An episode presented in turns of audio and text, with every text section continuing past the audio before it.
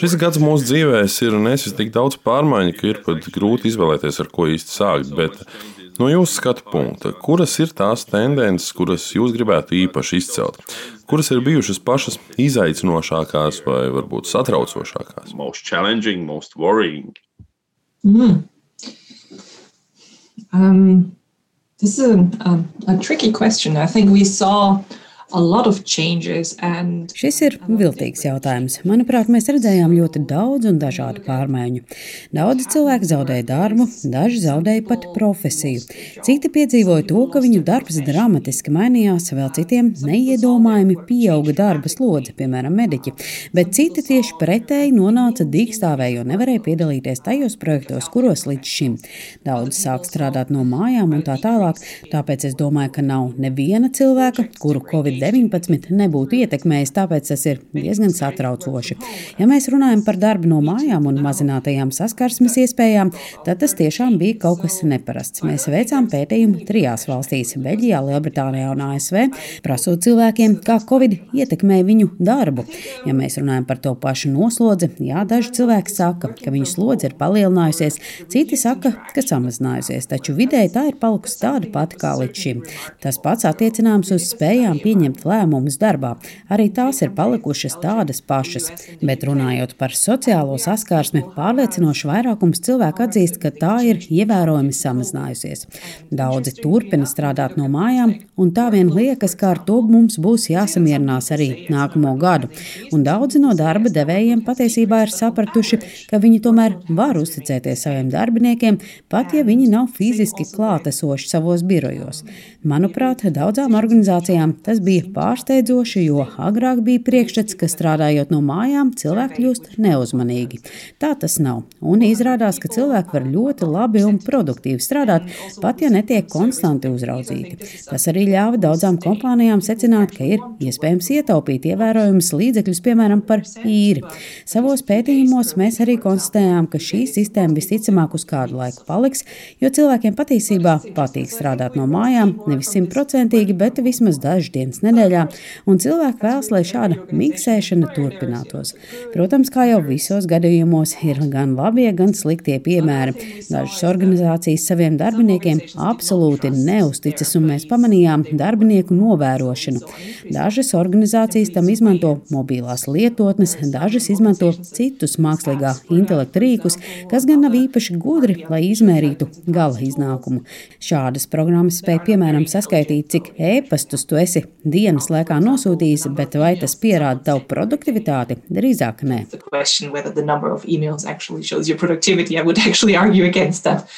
Yeah. But, uh, example, uh, from, uh, ja mēs runājam no psiholoģiskā viedokļa, šāda uzticēšanās vai neusticēšanās, kādu iespēju ilgtermiņā tā var atstāt uz darbinieku?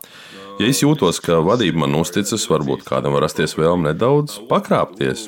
Nu, no otras puses, ja es jūtu, ka man neusticas, tas var atstāt iespaidu uz mana darba rezultātiem. Vai šādas tendences pašlaik ir neierastas, vai arī tās pat bija vairāk izjūtamas, kad cilvēki reāli strādāja birojos? in office? That's an interesting question. I think all these actions that an employer takes also have like a symbolic value. Manuprāt, visām darbībām, kuras dara darba devējs, ir ļoti simboliska vērtība. Ja vadība saka, ka tev uzticas, tu jūties pamanīts, novērtēts un tev rodas motivācija vairāk nodoties savam darbam, tu tiec uztverts kā pilnvērtīgs cilvēks, un tas patiesībā ir tieši tas, ko mēs sagaidām, ejot uz darbu. Jā, mums ir nepieciešami ienākumi, taču ir arī citi aspekti. Justies cienītam ir ļoti svarīgi. Runājot par neierastām lietām, es savā pētījumā atklāju, ka, lai arī cilvēks stāsta par savu samazinājumu sociālajos kontaktos tā vietā, lai sajustos izolētiem vai atšķirtiem no kopienas, ir vērojams pretējais. Cilvēki ir sākuši vairāk justies kā daļa no viņu kopienas vai vispārējās sabiedrības, jo visi šie noteikumi ir kopēja problēma. Visiem ir jāpaliek mājās, visi mēs esam vienā laivā. Tas ir interesanti, ka mums visiem ir šī kopējā katastrofas sajūta, un sabiedrībām kopumā tas nāk tikai par labu. Jo vairāk cilvēki jūtas piederīgi kādai kopienai, jo vairāk, piemēram, viņi ievēros un pakļausies Covid ierobežojumiem, normām, likumiem un lietām, kas nes labumu visai kopienai. To norms, to law, to things that benefit the community. Runājot par dažādiem sociālajiem kontaktiem un arī to trūkumu, ja mēs runājam par sakariem ar kolēģiem, vai tas, ka tu sajūti blakus kolēģa plecu, atstāja kaut kādu iespaidu uz spējām strādāt, un cik liela nozīme vispār ir jūsu priekšnieku iesaistē šajos procesos? Uh, the, your boss in these processes. Definitely. So, I mean, social interactions at work is, are incredibly important. Sociālajiem sakariem darbā ir ārkārtīgi liela nozīme. Darba vieta ir viena no vietām ārpus mūsu ģimenes, kur mēs varam iegūt atzinību par to, ko un kā mēs darām. Nav runa tikai par to, ka strādājot kopīgi, mēs daudzas lietas spējam paveikt ātrāk un vieglāk, vai arī sniegt atbalstu otram. Tas viss dod tev arī piederības sajūtu kaut kādai cilvēku grupai. Protams, tas nenozīmē, ka tev obligāti kādam ir jāmasē pleci vai jāsēž uz viena krēsla birojā, taču šādai sociālajai saskarsmei ir jābūt regulāri. Daži uzņēmumi šajā Covid laikā ir bijuši īpaši veiksmīgi, aizstājot tradicionālo sociālo saskarsmi birojā ar saskarsmi tiešsaistē vai tās būtu Ziemassvētku ballītes tiešsaistē, vai vīna degustācija tiešsaistē, vai jebkādas citas radošas izpausmes. Daudziem uzņēmumiem joprojām ir neoficiālās ikrīta kafijas dzeršanas tikšanās, lai joprojām radītu šo kopienas sajūtu. Cilvēkam tas patiešām ir nepieciešams. Tā ir viena no darba funkcijām, kas ir saistīta ar labsajūtu, un uzņēmumiem tiek rekomendēts radīt šīs telpas sociālajiem kontaktiem. Protams, es nesaku, ka sociālā saziņa vienmēr ir kaut kas pozitīvs, jo ir taču arī domstarpības un konflikti. You, you if, if going yeah, getting along so well. So. Uh, no Taču, ja šādas saziņas un kontaktu nav, ja sāk parādīties plaisas kolēģu attieksmē vienam pret otru, cik liela nozīme tad ir vadībai un kādu iespaidu uz darbiniekiem var sniegt viņa iesaistīšanās? I think supervisors are well advised to create, allow for those spaces for social interactions, to create. Jebkuriem vadītājiem parasti tiek ieteikts radīt šādu atmosfēru darbinieku sociālajai saskarsmē. Un pilnīgi noteikti tas nebūs pazaudēts laiks, tieši pretēji.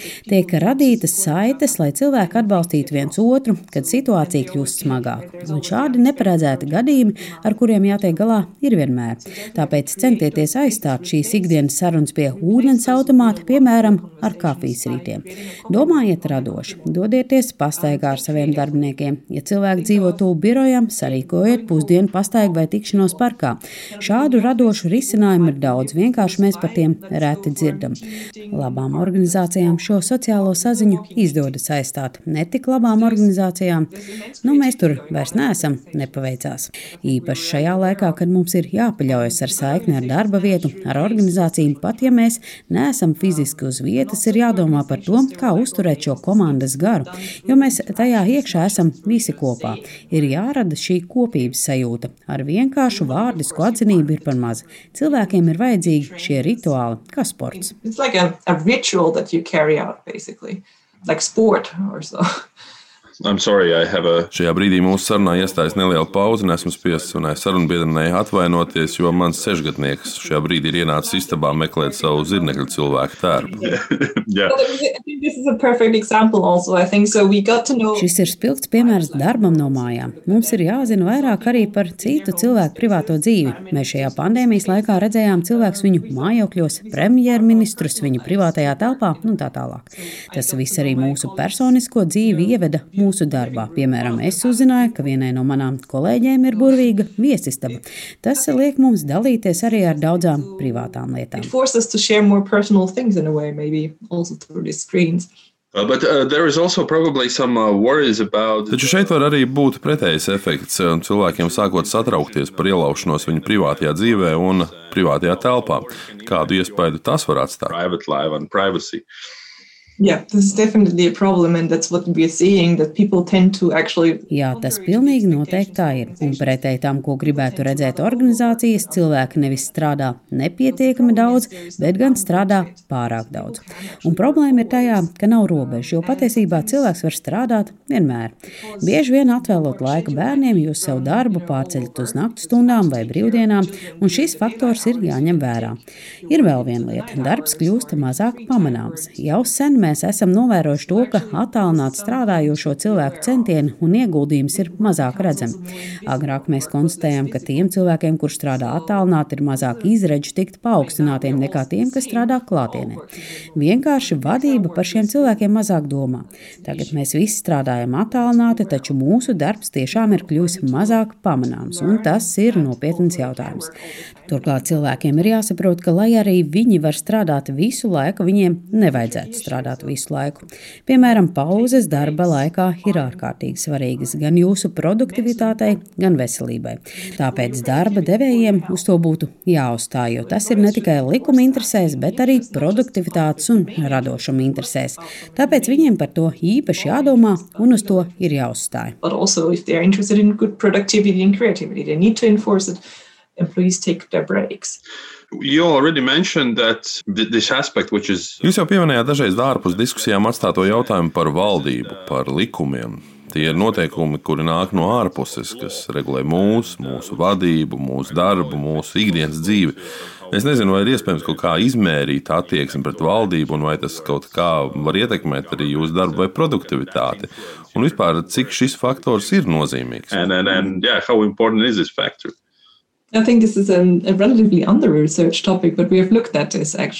Šis iespējams ir nedaudz nepietiekami izpētīts jautājums, taču mēs to esam pētījuši. Vai jūs uzticaties valdībai, ka tā izvedīs mūs no krīzes, un vai tas ietekmē, piemēram, nedrošību par darbu vai labklājību? Tas, ka mēs esam darbā, nemaina mūs kā personības. Mums visiem ir daudz interešu, un mēs spēlējam dažādas lomas. Un viena no šīm lomām ir būt par pilsoni, un tam ir ietekme uz to, kā mēs novērtējam savu darbu. Mēs esam izpētījuši, ka situācijās, ka ir labi sociālie pabalsti, labi sociālās drošības tīkli, tad tādi jautājumi kā nedrošība par darbu ir mazāk svarīgi cilvēku labsajūtai. Un tas ir tikai loģiski. Daži sociologi saka, ka darbs patiesībā ir pilsonība. Darbs izceļ mūs no privātās sfēras un ieceļ sabiedriskajā. Darbā mēs kontaktējamies ar cilvēkiem, ar kuriem mēs citādi varbūt nekontaktētos - klientiem, kolēģiem un tā tālāk. Darbā mēs iegūstam zināšanas par sabiedrību. Mani pētījumi ir pierādījuši, ka gadījumā, ja cilvēks savā darbā nejūtas droši, ja nejūtas droši par savu darba devēju, viņam ir sajūta, ka sabiedrība par viņu nerūpējas. Un tas var ietekmēt arī to, kā viņi vēlāk ilgtermiņā domā politiski. Ja tev visu laiku ir sajūta, ka tu cīnies, cīnies un cīnies, lai sakasītu naudu, ka tas viss ir negodīgi, ka sabiedrība un politiķi par tevi ir aizmirsuši, tas ietekmē arī tavu toleranci pret citiem sabiedrības locekļiem. It kā kaut kas pilnīgi pretējs un ar darbu sfēru nesaistīts, vai ne? Tā kā šīs lietas ir pilnīgi noteikti saistītas. Right? So these things are definitely connected. Okay, Protams, mēs varam teikt, ka ir pagājis tikai gads kopš viss šis sākās, un ir grūti izdarīt kaut kādus lielus secinājumus. Taču ir jārēķinās, ka mēs vēl kādu laiku šajos apstākļos tomēr pavadīsim, un tomēr. Cik drīz mēs varēsim visu šī ietekmi sākt izvērtēt? Vai mēs jau šīs sekas izjūtam, un vai mēs vispār spēsim atgriezties pie kaut kādas normalitātes? Good question. I mean, um, there are studies that trace people and track people over time. So Tas ir labs jautājums. Ir daudz dažādu pētījumu, kas laikam ejot seko kādu cilvēku uzvedībai. Un ir interesanti redzēt, cik ātri cilvēki pielāgojas apstākļiem. Mēs pielāgojamies ļoti ātri. Tas var notikt nedēļu vai mēnešu laikā.